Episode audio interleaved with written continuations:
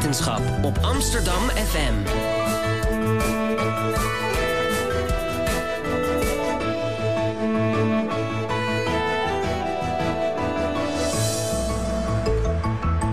Radio Swammerdam. Een hele goede morgen en welkom bij Radio Swammerdam, het wekelijkse wetenschapsprogramma op Amsterdam FM.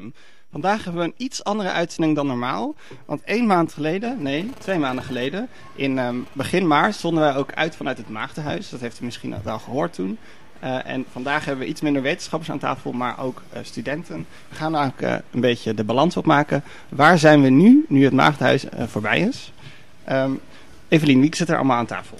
Ja, we krijgen vandaag drie initiatieven. Uh, eentje uit 2013 al, het Platform Hervorming Nederlandse Universiteiten.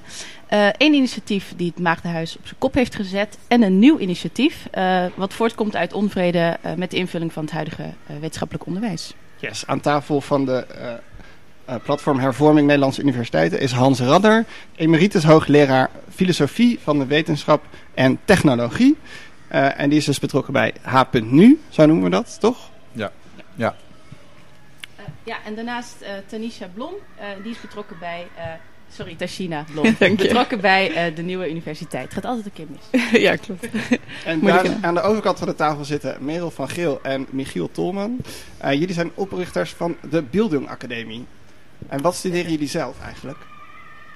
Ik studeer zelf bestuur en organisatiewetenschap aan de VU en rechten aan de UvA. Ik ben net afgestudeerd, afgelopen september, internationale betrekkingen aan de UvA daarvoor politicologie op de VU gedaan. Doe maar. Echt veel verschillende wetenschappen vandaag. Uh, Tashina, wat heb jij gestudeerd? Of studeer je? Uh, ik doe de onderzoeksmaster Cultural Analysis, ook aan de UvA. En als laatste aan tafel zit natuurlijk onze favoriete columnist André Kloekoen, toevallig ook wetenschapsfilosoof. Klopt dat? Er zijn er veel van, hè? ja. En uh, we hebben vandaag dus een open mic uitzending. Tenminste, dat wil zeggen dat we niet gewoon gebruikelijke interviews doen, maar dat we een paar onderwerpen behandelen. Wel een beetje aan de richting van uh, de met verschillende partijen die aan tafel zijn geschoven. Maar iedereen mag wat mij betreft gewoon uh, interrumperen. En laten we wel zorgen dat het een beetje ordelijk blijft. En we hebben ook publiek vandaag. En als u thuis zit te luisteren, kunt u natuurlijk ook via Twitter reageren. Als u een vraag heeft, stuur dan Radio Swammerdam. Swammerdam is met een S. Uh, en um, dan kunnen we kijken of we de vraag in de uitzending kunnen behandelen. Want mijn telefoon trilt daar gewoon bij. Ja, en we willen vandaag eigenlijk niet expliciet spreken over de UvA, maar over wat grotere thema's. Hè. Ook al is het natuurlijk veel nieuws geweest. verboden woorden zijn rendementsdenken en valorisatie. Nou, misschien komen die wel. Um, waarom verboden woorden? Hè? Um, dat kunnen we misschien best als eerste vragen aan Hans Radder. Um, wat, hoe denkt u daarover, over rendementsdenken en uh, dat soort zaken?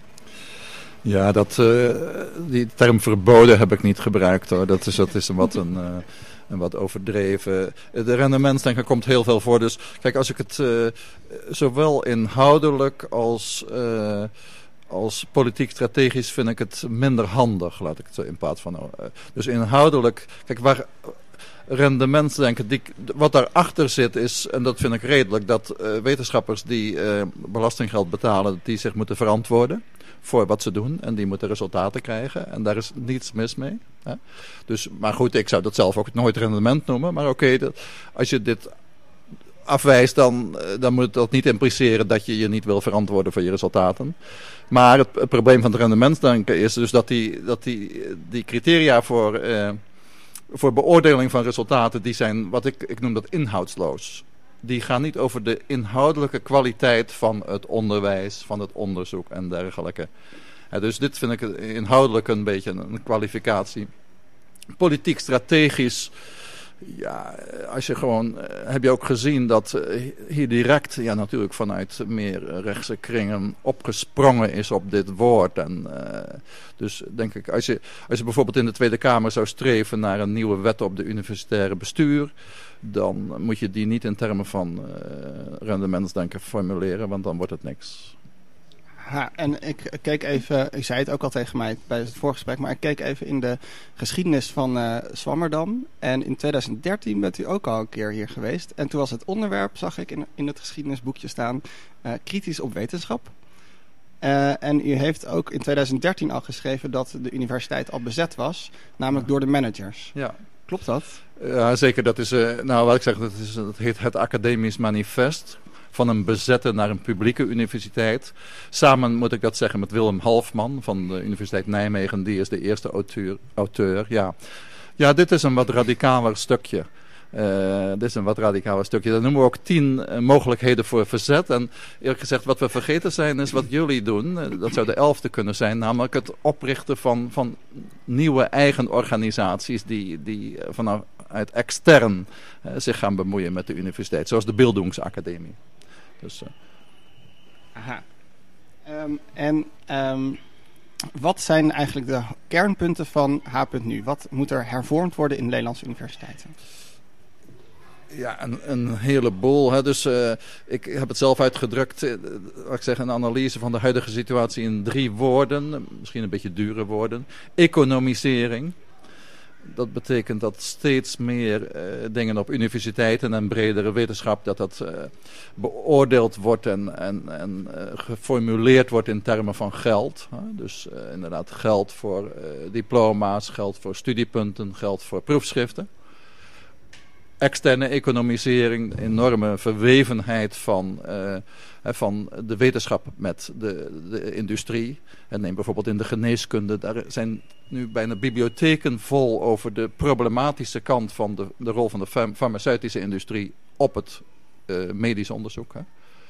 Het tweede punt, Bureaucratisering, ja, dat is heel veel in de discussie geweest inderdaad. Al die bureaucratische systemen, die, die, die, noem ik, die zijn inhoudsloos. Dat, uh, wordt geteld van, uh, met, uh, met getallen die niet direct ingaan op de kwaliteit, inhoudelijke kwaliteit. Um, bij dat laatste heeft u het denk ik voornamelijk over de rankings. Bijvoorbeeld, de rankings en de constante, de permanente beoordelingssystemen. Dus wij hadden aan de universiteit eerst vijfjarige visitaties, één keer in de vijf jaar. Dus een, dat is een externe beoordeling van het onderzoek en onderwijs.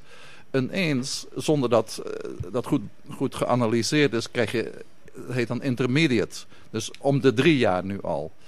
Ja, dat is een te korte termijn gewoon. Dat als je daarover nadenkt, zeker voor het onderzoek is het een te korte termijn, maar dat wordt van bovenaf opgelegd. Dus, uh, en het derde punt, de, naast die economisering, bureaucratisering, dat is de hiërarchisering. Nou ja, goed, dat, daar uh, had ik het al even van bovenaf opgelegd. het gaat allemaal top-down. je hebt weinig tot niets te vertellen. Wat we willen is bottom-up. Ja, zeker dus, zeker dus. Precies. Op al die punten is het heel makkelijk om te zien hoe je, hoe je hier echt aan het werk kan gaan om een hele andere universiteit te krijgen. Nou, over die uh, andere vormen van de universiteit gaan we het nog de hele uitzending hebben. En over een bottom-up uh, onderwerp komen we zo te spreken. Maar we luisteren eerst even naar een muzikaal intermezzo, namelijk The Scientist van Coldplay.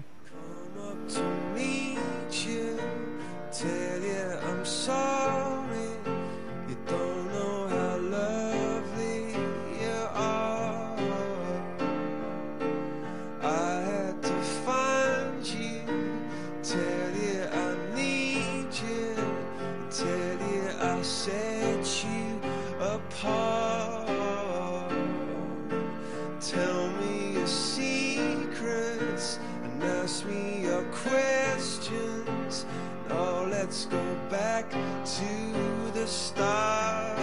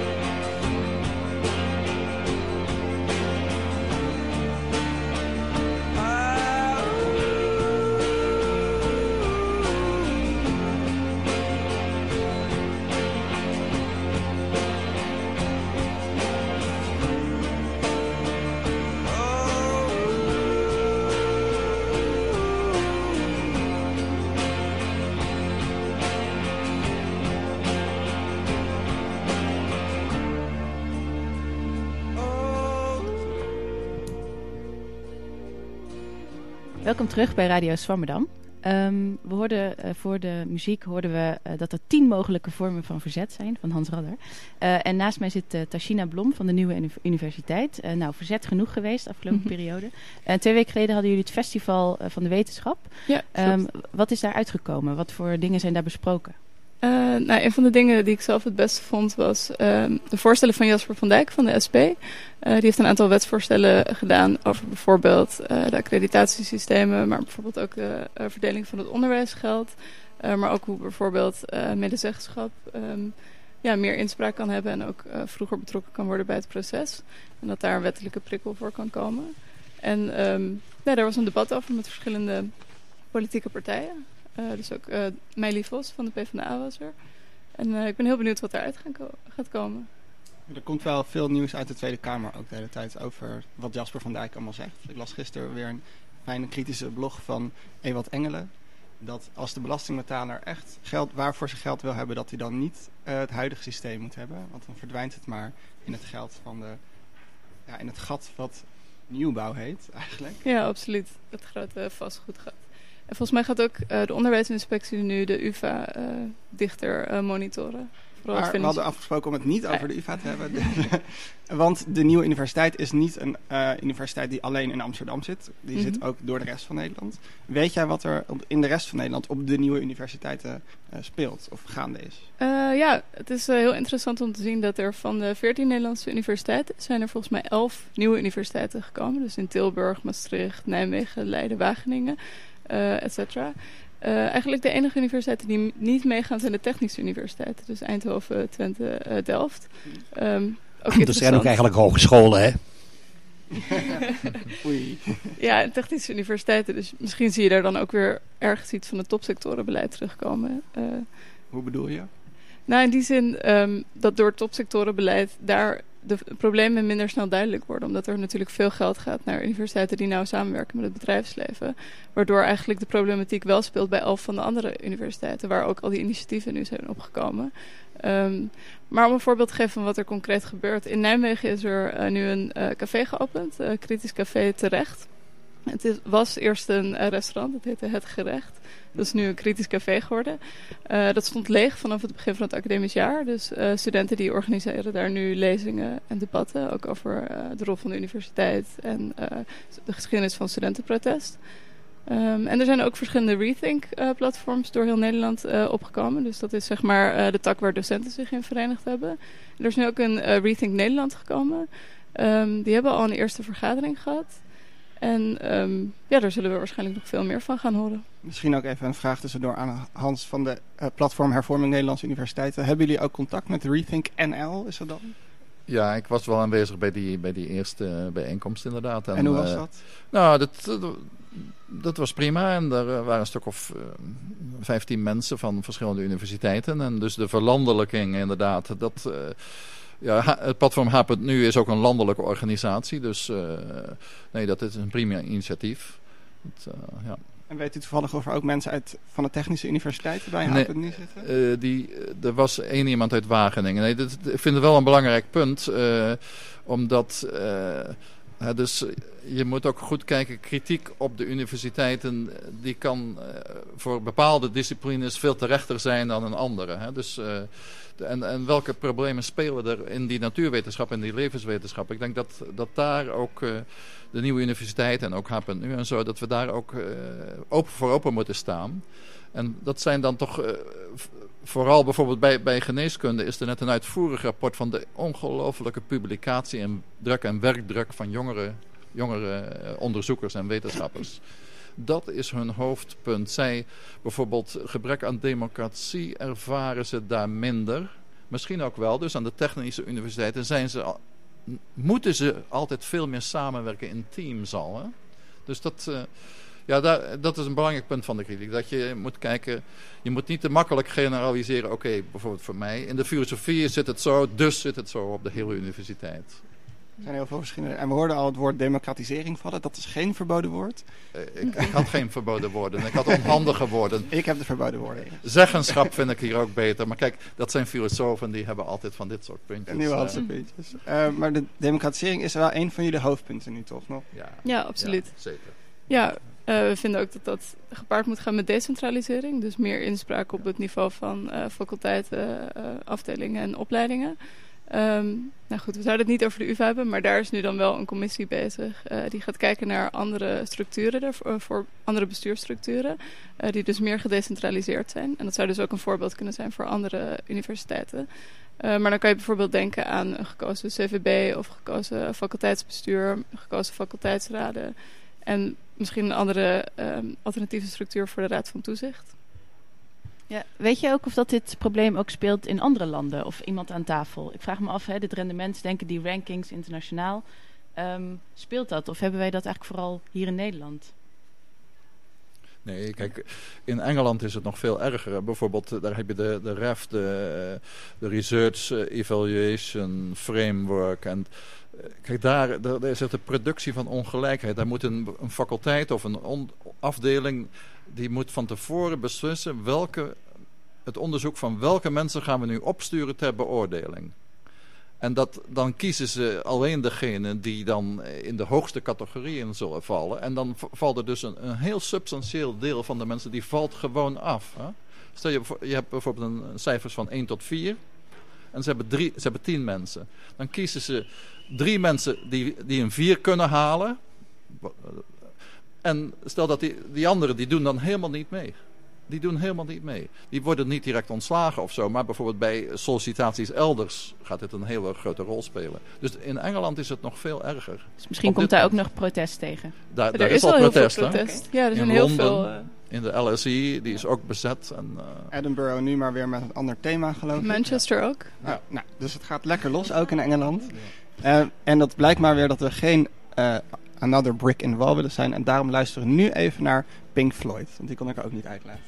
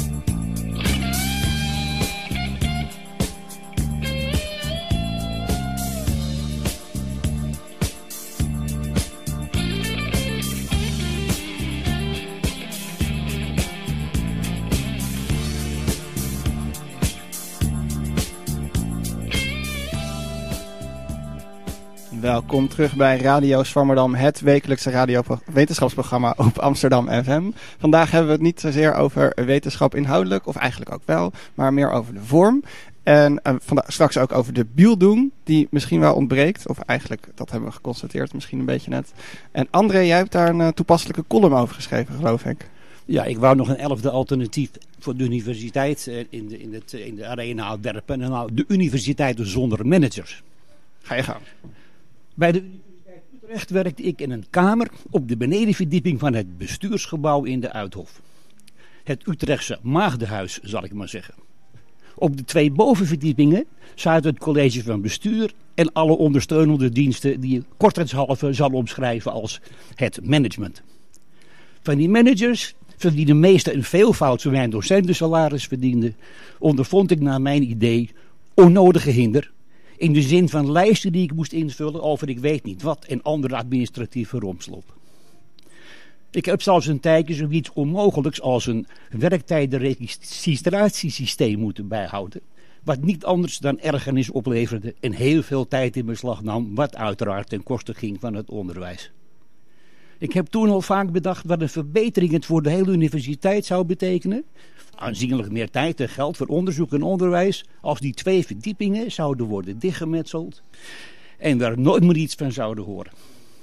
Ik moet wel toegeven dat het bij mij niet verder ging dan een onderbuikgevoel. Maar vind maar eens de goede argumenten. Maar nu stond er in de NRC van vrijdag 8 mei een artikel van de redacteur Reinier Kist over een in 2003 opgerichte IT-bedrijfje Schulberg Philips, waarvan de personeelsleden hetzelfde onderbuikgevoel hadden als ik en besloten eens uit te zoeken wat er zou gebeuren als er geen managers zouden worden aangesteld. Het resultaat is zonder meer verheugend te noemen. Het bedrijf stelt intussen 200 personeelsleden. En beslissingen over de inrichting worden pas uitgevoerd als, die, als iedereen er al helemaal mee akkoord uh, is gegaan. Het bedrijf heeft een serie belangrijke klanten weten te verwerven, zoals de Rabobank, Eneco en Air France KLM. En de omzet bedraagt 51 miljoen euro. De cijfers staven de bewering, want het ziekteverzuim bedraagt nog geen procent tegenover bijna 4 procent in de rest van de IT-sector. Verloop van het personeel is er nauwelijks. De meeste mensen die er 12 jaar geleden begonnen zitten er nu nog. En vorige week kreeg het bedrijf de Good Practice Award, een prijs van de Europese Unie voor bedrijven die succesvol werkstress verhinderen. Een nog groter compliment is dat Schulbergs organisatiestructuur tegenwoordig wordt onderwezen aan de Harvard Business School. En na een bezoek aan Schulberg, Schulberg Philips besloot hoogleraar organisatiepsychologie Thomas de Long een case studie over het bedrijf te schrijven die hij nu gebruikt in zijn colleges over de managementpraktijk. In een YouTube-filmpje vertelt hij over het verlangen van werknemers om zich nuttig te voelen in een organisatie. Essentieel in de Schulberg-filosofie is dat er geen sales managers meer zijn en de IT'ers zelf onderhandelen met de klanten. Het werk naar eigen inzicht kunnen inrichten en wie bij Schulberg in dienst is mag zelf zijn eigen werktijden bepalen. De conclusie kan alleen maar luiden dat managers volstrekt overbodig zijn. Wasted meat. Wat zal het voor managers verschrikkelijk zijn over zichzelf vast te moeten stellen? Dat ze niet alleen hun eigen leven met overbodigheden hebben verdaan, maar ook dat van zoveel anderen te hebben verpest. Het kan haast niet anders of dit verhaal gaat een zelfmoord tsunami onder managers veroorzaken.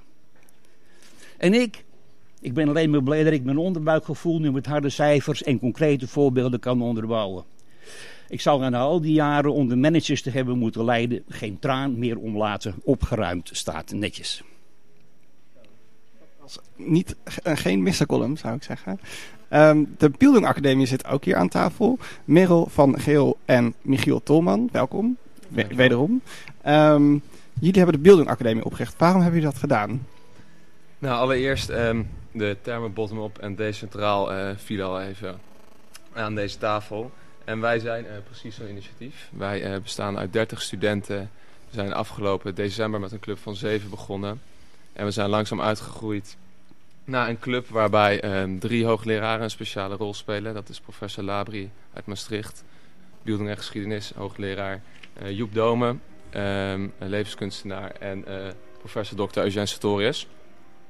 Um, Wij zijn ehm, met hun aan de slag gegaan om eigenlijk te kijken van wat vinden wij nou dat er inhoudelijk mis is aan het onderwijs dat we nu hebben. En we kwamen eigenlijk op neer dat wat mist op de huidige universiteit, dat is Bildung. En wat bedoelen wij met Bildung? Daarmee bedoelen wij de ontplooiing van jouw menselijke potentie die je in je hebt. Dus niet alleen je cognitie, maar ook zaken als je empathisch vermogen. Je, uh, het vermogen om een persoonlijk ethisch raamwerk te creëren. En het vermogen om je adequaat te uiten, dus je expressieve kwaliteiten. Die drie kerncompetenties, samen met uh, de vierde, de kritisch-analytische kerncompetentie, die redelijk wordt ontwikkeld in onze ogen op de huidige universiteit, zijn wij een, uh, een academie gaan opzetten. Ook om maar gewoon aan de slag te gaan. Want in onze ogen zijn er een aantal dingen die je kan doen als je het ergens niet mee eens bent. En we dachten, waarom gaan we niet proberen een alternatief, of eigenlijk een aanvulling op de huidige universiteit te creëren. Waar die studenten en docenten die behoefte hebben aan een verdieping en verbreding in interdisciplinaire teams aan de slag kunnen met elkaar. We hebben dus ook contacten met bijvoorbeeld uh, de beta-faculteit, waar je een miner hebt, de Tesla miner. En de Tesla miner die is eigenlijk vanuit dezelfde startpunt gekomen als wij. We hebben heel veel kennis gekregen in onze eerste drie jaar van de bachelor. Maar wat is nou de rol van die kennis? En wat is mijn positie in de wereld? En wat wil ik bijdragen aan de wereld? Wat wil ik bijdragen aan de maatschappij? en dat is dus wel. Miner? En dat is precies, um, precies die, die diepgang die de beta-studenten zochten binnen hun uh, faculteit. Want zij krijgen heel veel kennis, maar wat kunnen ze daarmee gaan doen in de maatschappij? En dat sluit mooi aan op de column van net, want dat is dus precies die IT-manager die zelf zijn eigen sales gaat doen omdat hij zich adequaat kan uiten. Hij heeft zijn expressieve vermogens ontwikkeld. En hij weet wat hij kan met zijn kennis. In plaats van dat een ICT'er is die een beetje angstig omhoog, kijkt naar de sales managers. Die alles even voor hem beslissen. Dus dat... Um... En Tesla is niet van het autobedrijf? Nee, nee dat is niet van het autobedrijf. Nee, dat krijgen zij heel vaak uh, naar hun hoofd geslingerd. En we zijn dus pas sinds kort uh, samengegaan om hiermee verder op te trekken. En wij proberen dus alle interessante onderwijsinitiatieven uh, aan ons te binden om samen uiteindelijk um, op korte termijn een, een miner neer te zetten, een Bildung miner. En op langere termijn de didactiek en ook de organisatie van de universiteit te beïnvloeden. En dat zijn inderdaad zaken waarbij uh, ook de nieuwe universiteit nu heel goed mee bezig is en andere initiatieven ook. Even terug naar het begin. Merel, klopt het dan dat jullie de Bildung van Humboldt, want dat was een Duitse filosoof, hebben omgezet in vaardigheden? Nou ja, misschien is het onjuist om het vaardigheden te doen, maar inderdaad, Humboldt had natuurlijk een bepaalde filosofie. Dat je um, niet alleen je, je, cognitie, maar ook bepaalde karaktereigenschappen verder zou moeten ontwikkelen. Dus je moet kijken naar de kracht van het individu. En uh, er wordt ook al gezegd dat je dat het beste kan doen door een individu te prikkelen, te inspireren. En eigenlijk die filosofie als basis te hebben genomen, hebben wij daar dus die vier kerncompetenties uit uh, gefilterd. En die competenties die, um, die zijn bij veel mensen misschien al deels geïnternaliseerd. Of je bent uh, enerzijds wat beter in, uh, in een ethisch uh, raamwerk al voor jezelf creëren. En de ander is misschien expressief al wat sterker. Um, maar daar willen wij verder mee aan de slag. Wij willen daar een platform creëren waar je dat verder gaat ontwikkelen. En waar je daar een stukje bewustwording creëert van die kerncompetenties, wat je daarmee kan. En is het probleem niet, uh, in de tijd van uh, Humboldt uh, en de tijd van Bildung, ja, ging een heel klein percentage naar de universiteit. Kon je lekker in een, in een kamertje zitten met de professor en dan ging je daar discussiëren. Um, ik neem aan, jullie gaan ook wat kleinschaliger werken. Um, maar dat uiteindelijk misschien de universiteit dat voorbeeld niet over kan nemen, omdat het nu eenmaal zo massale aantallen studenten geworden zijn. Hoe kijken jullie daar tegen? Ja, inderdaad. Ons idee is om in maximaal met groepen van 20 te gaan zitten binnen de modules die we aanbieden. We bieden zes modules aan vanaf september. Um, inderdaad, het geldkwestie is een belangrijke. En ons idee daarover is om uh, de massale colleges, om die gewoon online aan te bieden. Dat is gewoon puur kennis tot je nemen, dat kun je thuis in je eentje doen. Maar dat alle tijd en energie en ook geld van de docent wordt ingezet in die kleinschalige werkgroepen. Om echt met die studenten om de tafel aan de slag te gaan. Om de kennis erop te reflecteren, die, um, die te internaliseren en dan die vier kerncompetenties te ontwikkelen. Die we uit het bildungsideaal hebben gedestilleerd. Dat is onze interpretatie ervan. Dat zie je ook terug in de drie domeinen die we hebben ontwikkeld. We ontwikkelen onze modules vanuit drie zogeheten domeinen. Waarvan het eerste is ik en de ander.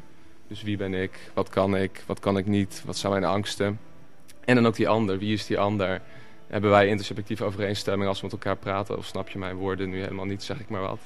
Tweede domein is de erfschat. Wat, zijn, wat is de wereld waarin ik ben opgegroeid? Wat zijn de dominante maatschappelijke, maar ook kunstsystemen? Wat is spiritualiteit? Eigenlijk de trouwe compagnons van de mensheid komen daar aan bod. En in het derde domein gaan we uh, kijken naar de wereld die in onze ogen in transitie is. Verschillende uh, sectoren. Dus veel concreter gaan we bijvoorbeeld kijken naar de energiesector. Daar is een transitie gaande van fossiele energie naar hernieuwbare energie. Uh, wat kan mijn bijdrage daarin zijn? Wil ik daar een bijdrage in hebben? Hoe ontwikkelt dat zich op technologisch gebied, maar ook op politiek-economisch gebied? En als je die drie domeinen hebt doorlopen, dan heb je dus een bepaalde zelfkennis, kennis over de ander en ook een kennis over jouw plek in de wereld en wat je wil betekenen in de wereld. En dat is dus niet bedoeld voor een eerstejaarsstudent, maar voor studenten die al een bepaalde um, academische basis hebben. En die dus vanuit hun discipline daarmee aan de slag kunnen met studenten uit andere disciplines. Precies, want je zei net ook al dat het aanvullend was dus op het reguliere academisch onderwijs. Dus ik ben even benieuwd, voor wie is het dan precies uh, toegankelijk eigenlijk? Het, het, is voor studenten in de laatste fase van een bachelor. Dus het zijn derdejaars studenten. Het kan in hun vrije deel, kan een afronding van een bachelor kan als minor inderdaad ingebouwd worden. En studenten die in een masterfase zitten of net klaar zijn met hun master. En uh, we hebben gesproken met de decaan ook van de beta-faculteit. En die zou dus een heel interessante mogelijkheid vinden, of zij zou het een hele interessante mogelijkheid vinden om juist in het tweede jaar van de master, dat hun studenten dan zouden kunnen deelnemen aan de Bildung Academie. Maar daar, daar stopt het dus niet voor ons. Hè. Uiteindelijk willen we proberen de universiteit verder ook te, te beïnvloeden met onze didactiek en uh, organisatie-ideeën. Dus het is wel de bedoeling dat je uiteindelijk studiepunten kunt halen voor deze minor? Ja, we zijn in gesprek inderdaad met beide universiteiten. Uh, die gaan ook in gesprek met elkaar over ons. En idealiter willen wij inderdaad dat, uh, dat studenten erkenning krijgen voor wat zij bij ons gaan doen. En dat het dus als minor erkend wordt. Maar op, de, op wat wij ook willen zijn, wat wij eigenlijk belangrijker vinden, is niet alleen de erkenning door de universiteiten, maar eigenlijk de erkenning door alle relevante actoren in het academisch domein. Dus dat is wat ons betreft niet alleen de universiteit, maar dat is ook de toekomstige werkgever. Dat is ook uh, de, de, de, student zelf, uh, de, de, de hoogleraren en de gastmeesters die erbij betrokken zijn. Uh, uiteindelijk moeten zij aangeven of dit een, een, een opleiding is van waarde. En dat is wat we zo belangrijk vinden. Daarom ontwikkelen wij dit bottom-up. En is het niet zo dat als je um, daar erkenning voor studiepunten enzovoort, dat je je onafhankelijkheid verliest? Want eigenlijk kan je zeggen van dan ga je toch weer in die stroom mee van punten en, en erkenning. En als jullie er lekker buiten blijven staan, dan kan je echt doen en laten wat je wil. Ja, dat is inderdaad een strategische keuze waar we uh, goed over aan het nadenken zijn. Um, we proberen vanuit een stichtingsvorm te werken zodat we, um, de stichting is verantwoordelijk voor de Bildung Academie. En de Bildung Academie zit eigenlijk nu op de, op de route waar we nu zitten onder de twee CVB's van VU en UvA. En op die manier proberen we onze vrijheid te behouden. We, we hebben ons ook echt gepresenteerd naar de CVB's toe van... zie dit als een, als een mooie aanvulling op het hoger onderwijs. En zij, het grappige is, de CVB's worstelen zelf ook heel erg met wat er gebeurt. Die zitten uiteindelijk ook maar met z'n drieën in een kamer te overleggen... hoe moeten we hiermee omgaan. En die vinden het dan heel erg interessant uh, om met ons in gesprek te gaan...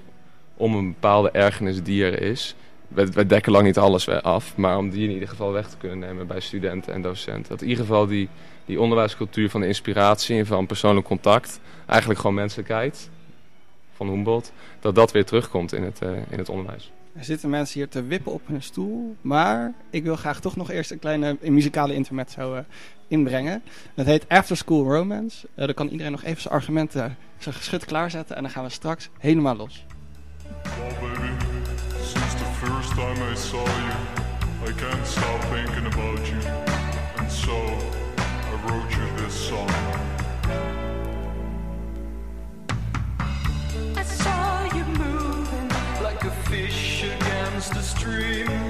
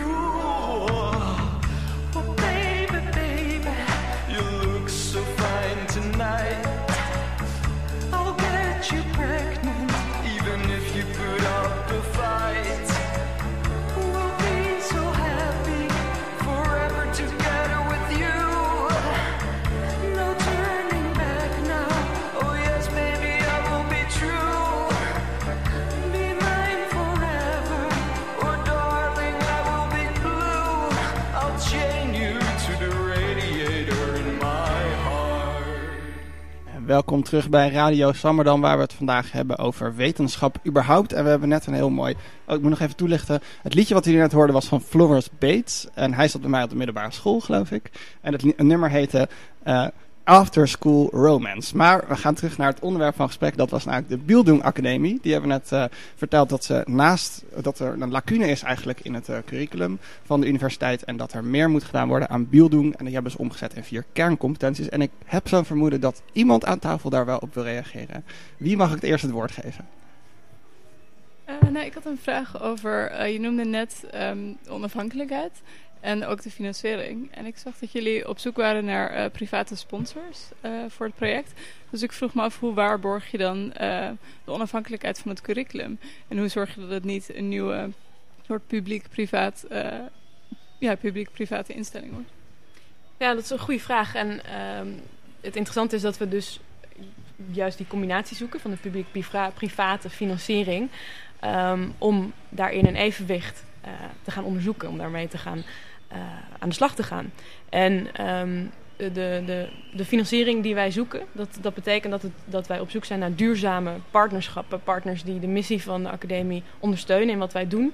En daar dus ook uh, hun belangen voor opzij kunnen zetten. In de zin van dat zij de missie daarin bij kunnen ondersteunen. En um, concreet betekent dan dat je samen gaat kijken naar uh, wat de academie aanbiedt. Uh, of wat een bedrijf daarin kan, kan brengen. Dus dat betekent bijvoorbeeld dat er een gastmeester komt vanuit het bedrijf. Dus vanuit het, het commerciële, de, de praktijk. Wat is een gastmeester? Ja, het is misschien goed om uitleg, uit te leggen. Er zijn meerdere um, mensen betrokken bij het onderwijs. Allereerst de leermeester, dat is een, uh, vaak een hoogleraar die, um, die de kaders van een bepaalde module uh, afbakent. Dan komen er houden wij ook gastmeesters um, binnen die komen vertellen over onderwerpen elders in de wetenschap of in de praktijk. En um, die dus ook soms een, bijvoorbeeld een, een contrapunt inbrengen. Dus er is bijvoorbeeld een, een, een, een geldende theorie een heersende theorie. En, maar goed, daar, kan, er zijn ook sommige mensen niet mee eens. En daar willen wij dan meer over horen om daarop te kunnen reflecteren. Dus dat is even kort een gastmeester. En daarin vind ik het heel belangrijk dat we uh, niet alleen de, de, wetenschappers daarbij betrekken, maar ook gastdocenten uit, uit verschillende organisaties, maatschappelijke organisatie en commerciële organisatie. En um, wij vinden het dus belangrijk dat een, dat een commerciële organisatie dat kan inbrengen. Dus hun kennis, maar ook de praktijk aan ons kon tonen. Dus wat we zeiden net al, van we gaan aan de slag met de leer- en gastmeesters. Maar niet alleen bij ons op de academie, maar ook bij een bedrijf of uh, in de maatschappij. Om daar, je wordt op pad genomen. En, dus zelfontplooiing en bedrijfsontplooiing gaat soort van hand in hand.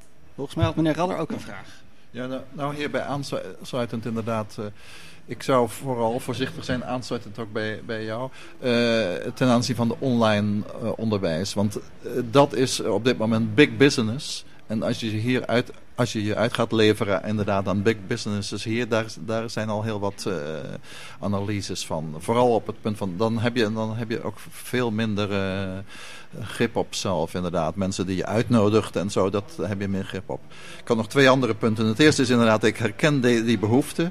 Uh, zelf op de VU is er nu ook een groep van promovendi bij de levenswetenschappen van 12 promovendi. En die die vroegen uit zichzelf, wij willen wetenschapsfilosofie doen. En dus die hebben, die hebben aan collega, twee collega's van mij en mij gevraagd van, hey, kunnen jullie middagen organiseren? En we organiseren nu drie middagen uh, met, drie, met uh, de, drie docenten. En na, najaar misschien toch nog opnieuw drie. Hè? Dus uh, nou, dat is misschien ook een, gaat, zeker ook beelddoen. Ja, interessant. Dat, dus dat, die behoefte die bestaat blijkbaar. Ja. Het derde punt nog eventjes ja, dit punt van onafhankelijkheid en van studiepunten, daar denk ik inderdaad, ik kijk eventjes naar uh, André Klokhoorn, die natuurlijk jarenlang in de studium generaal wereld gezeten heeft en deze problematiek natuurlijk door en door kent. He, de, Zeker, studium maar ik generaal. Heb, ja, ik heb dat lang gedaan en ik, mijn studenten kregen er studiepunten voor, niet veel, drie. Mm -hmm.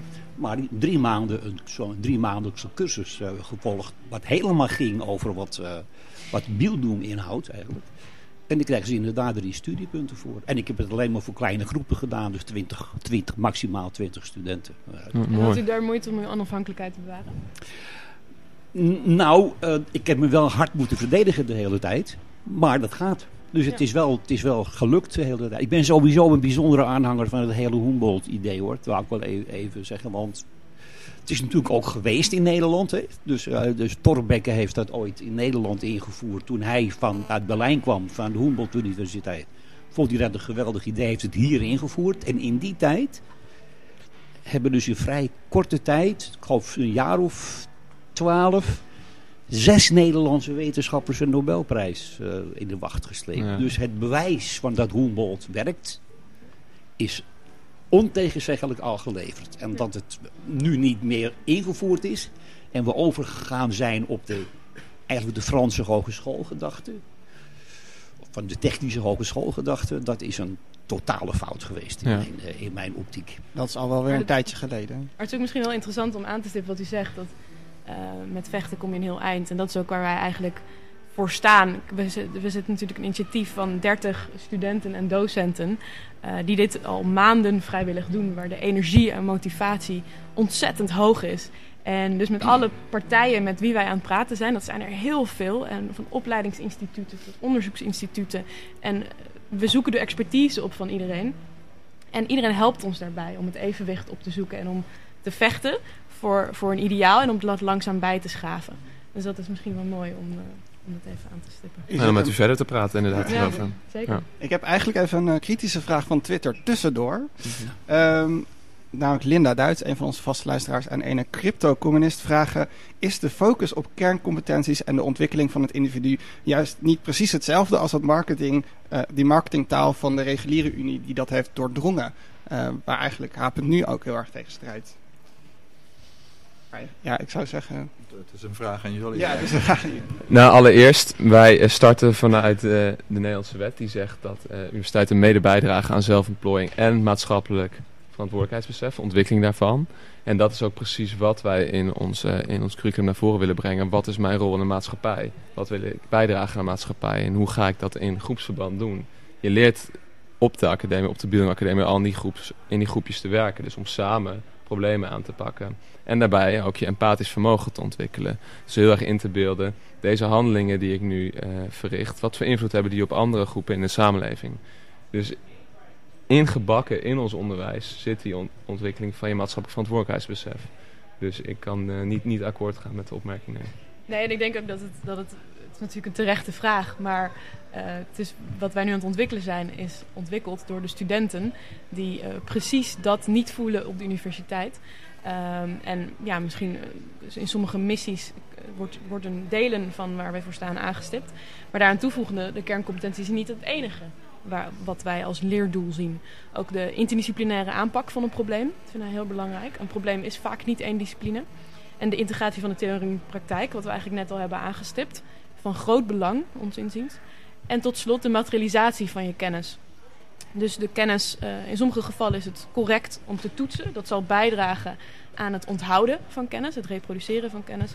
Maar in ons geval vinden wij het ook heel belangrijk dat je, ehm, dat je dus bekijkt wat je met de, de opgedane kennis, het geleerde, wat je daarmee kan doen voor de maatschappij. Dus het kan een persoonlijke opdracht zijn, een persoonlijk project, bijvoorbeeld een, een, een, een column, een, een onderzoekje wat je gaat proberen eh, te, te publiceren, te presenteren. Een, een workshop aan je medestudenten, een training waar je zelf natuurlijk ook heel veel van leert. Of een groter project, dus een maatschappelijk project, zoals een, een schoolproject of in de buurt. Of een commerciële case die je gaat oplossen met elkaar. Meneer Radder, u wilde net nog iets zeggen? Ja, kijk, eh, in, in de kritiek op de universiteiten zijn er twee, twee eh, of zo hoofdstromingen, denk ik. Je hebt één stroming die, die zegt eigenlijk, eh, nou, de maatschappij moet zich niet met ons bemoeien. Geef ons gewoon een zak geld en dan doen wij de dingen die we altijd al deden. Eh, platform H.nu is daar ook tegen. Wij moeten, we hebben de plicht om, om wetenschap te legitimeren naar de maatschappij toe. En inderdaad, dus in die zin ben ik het helemaal eens met dat je zegt, oké, het gaat om ook hoe de relatie tussen wetenschap en maatschappij en tussen je onderzoek en maatschappij zit. Dat is heel van belang. Het andere punt is natuurlijk dat ja, ja, op dit moment uh, wordt de maatschappij verengd tot uh, ja, de topsectoren, de economische belangen en dergelijke. Je ziet het bijvoorbeeld bij die nationale wetenschapsagenda. Hè. Daar is, dat is een verzoek geweest om vragen aan de wetenschap te stellen. Er zijn zo'n kleine 11.000 vragen ingediend. Dat is mooi en die zijn heel divers. Maar nu is de selectiecommissie, die is tamelijk selectief samengesteld. Bijvoorbeeld, mhm. er zitten heel veel werkgevers in. Ik vroeg me direct af, hey, waarom zitten bijvoorbeeld geen vakbonden in? Er zitten ook de bekende, wat ik zeggen, wat ik die bobo's noemen van, de, van KNW, NWO en dergelijke. dus dat is niet echt vermaatschappelijking. Dat is uh, verelitisering, of hoe je het noemen wil, uh, naar de maatschappij toe. Dus ik, het is wel voor jullie denk ik een beetje een... het kan een valkuil zijn, daar heb je gelijk aan. Het kan een valkuil zijn als je bijvoorbeeld ook termen als valorisatie gaat gebruiken. Dat, dat, dat is heel onverstandig. Maar nadenken hoe de wetenschap uh, ja, kan en moet wisselwerken met maatschappelijke uh, problemen en ontwikkelingen. Dat is prima. Alleen, je hebt ook fundamenteel wetenschap. En die, die, die is even legitiem, vind ik. Hè. Dus waarom ja, is die legitiem? Omdat ja, die, uh, dat is een soort kennisreservoir voor de lange termijn. Hè. Dat heeft niet directe doelen op dit moment, maar daar kan je in de toekomst uitputten. Ik gebruik ook het voorbeeld van de islamstudies. In 1980 was dat wegbezuinigd. Is onzin. Die mensen zitten in een stoffig kamertje. Nu zijn die mensen constant in de New York Review of Books, in op de televisie enzovoort. Hè? Dus dat, dat is de andere kant. De fundamentele wetenschap, basic research, zeg maar. En kan uh, fundamenteel onderzoek interdisciplinair zijn, wat de Beelding Academie... Uh... Zeker, zeker. Dat is het uh, tegenwoordig heel duidelijk. Hè. Dus, omdat je hebt een verschuiving gezien in de wetenschap van problemen, ja, meer, wat ik zeg, bijvoorbeeld laboratoriumcontexten naar de bredere contexten. Als je, als je iets hebt als klimaatonderzoek, dan kijk je niet alleen naar wat er in, in een modelletje in je laboratorium gebeurt, maar het hele klimaat. En dan moet je interdisciplinair zijn. En zo zijn er zoveel van die problemen. Armoede, uh, tal van dit soort problemen. Ik geloof dat ik begonnen ben met een wat schampere opmerking in de richting van de technische universiteiten. Om te zeggen dat het eigenlijk hogescholen waren. Maar daar zit dus een diepe gedachte achter. In die zin dat ik vind dat je maatschappelijk relevant onderzoek moet doen. Maar dat je dat moet doen aan hogescholen. En dat je de universiteiten de kans moet geven om fundamenteel onderzoek te doen. En dat geeft een heel ander soort relevantie-probleem. Dan kan je niet na vijf jaar vragen, wat verdienen we eraan? Maar ieder, ieder fundamenteel onderzoek duurt twintig jaar. Voordat je kan kijken of het nou iets opgeleverd heeft of niet. En dan ook nog vaak niks. Hè? Dus dat, dat moet je echt scherp, scherp scheiden, dat maatschappelijk relevante onderzoek. Maar is fundamenteel onderzoek dan niet maatschappelijk relevant? Jawel, maar het geeft hele andere criteria. Dus fundamenteel onderzoek is buitengewoon maatschappelijk eh, relevant. Maar je, moet, je kan er geen vijf jaar criterium, wat Hans Radder ook al zei. Na vijf jaar kijken wat het oplevert, niks. Dat kan je van tevoren al zeggen. En als je dan het geld weghaalt, ga je met anders beginnen. Wat misschien dan wel weer relevant is na vijf jaar. Dat is weggegooid geld allemaal. Ik had nog een, ja, je zei het net al, André. Ik, en ik zat me net, toen jullie aan het praten waren over die uh, competenties en domeinen. Uh, en we hebben het nu over wetenschappelijk onderwijs. Maar is het niet gewoon een soort van veredelde HBO? Sorry dat ik het zo stom zeg. Dat is het geworden. Uh, maar ik heb het nu over de Building Academie. Of wat vind jij, Andrees? Is de, is de WO een veredelde HBO geworden? Of de Technische Universiteit? Nou, is ook, ook een keer rare beslissingen genomen. Je kan precies achterhalen waarom dat was. Dat alle hogescholen universiteit zijn geworden. Inclusief de, de, de boekhoudersuniversiteit. En hoe heet het ook weer? Nijrode, ja, dat is ook een universiteit. En, de, en de, de, de, de Universiteit van Humanistiek gaan we door. Het heeft dus niet alleen een opwaardering van die hogescholen tot gevolg gehad. Op het gebied van wetenschappelijke rol. Maar ook natuurlijk een enorme uh, meerwaarde effect gehad op, de, op, de hoge, op, de, op, de, op niveau van de universiteit. Misschien is het een mooie vraag voor iedereen. Uh, wat is de universiteit? Wat, stel dat je een definitie zou misschien één zin, anders zijn we een uur verder. Nou ja, als je Eh, wat aan de is voor iedereen hier aan tafel, wat is de universiteit? Als je, dat is de eerste vraag die de Humboldt mensen zich zouden moeten stellen. Wat de universiteit is en wat ook vaak gebeurd is en waar ook antwoorden op zijn. En die, die, ont- die totale ontplooiing is een van de, van de, van de principiële voorwaarden naar mijn Oké, idee. André, totale ontplooiing. Ja. Tashina. Ja, wat mij betreft is voor de universiteit naast Bildung ook het concept van Paresia heel belangrijk. Dus dat je eh, kritisch eh, naar je omgeving kijkt, kritisch naar de maatschappij, maar ook naar de instellingen waar je je in begeeft. En dus ook naar de eh, onafhankelijkheid van die instellingen. Onafhankelijkheid, ja? Ja, filosoof heeft altijd een hekel aan dit soort vragen. Ja, weet ik, maar het is wel heerlijk. Ja, dus eh, goed onderwijs, goed onderzoek. Het, het streven naar kritische en mondige eh, studenten en docenten. Tegelijkertijd een fundamenteel onderzoek en ook toegepast onderzoek. Hier ben ik eh, ietsjes verschillend van eh, André Klokken. Nee, Ja. ik, ben toch ook niet, ik ben toch ook voor, voor relevant onderzoek. Alleen het moet anders, inge- en anders gestructureerd worden dan, dan fundamenteel onderzoek. Ja, voor mij is het eh, fundamenteel eh, onderzoek en toegepast onderzoek inderdaad. En eh Bildung. Waaronder in onze ogen dus ook de kritische ontwikkeling eh, valt. Van jou als individu. En zouden we dan niet eigenlijk die Bildung en Parecio misschien eh, als zeg maar, basis van de universiteit moeten hebben en niet gewoon als minor? Eigenlijk wel, ja. Absoluut. Dus daar kunnen we voor Zeker, strijden. zeker. Ja, zeker. la- laten we samen gaan strijden, ja. Dat, nee, dat vind ik niet. Eh, er, is ook, eh, eh, er is ook gewoon de academische diepgang, het echte hele specialistische moeilijke werk en zo. En, en ik denk dat je ook, wat ik zeg, hier moet je ook een beetje denken aan verschillen tussen mensen. En dus de ene is gewoon hier veel beter in en de andere daar veel beter in. Dus ook in de beoordelingen moet je, moet je dat meenemen. Bijvoorbeeld een faculteit of een afdeling, ja, die, die, die kan gedifferentieerd zijn. Sommige mensen die, die schrijven inderdaad artikelen voor een paar specialisten.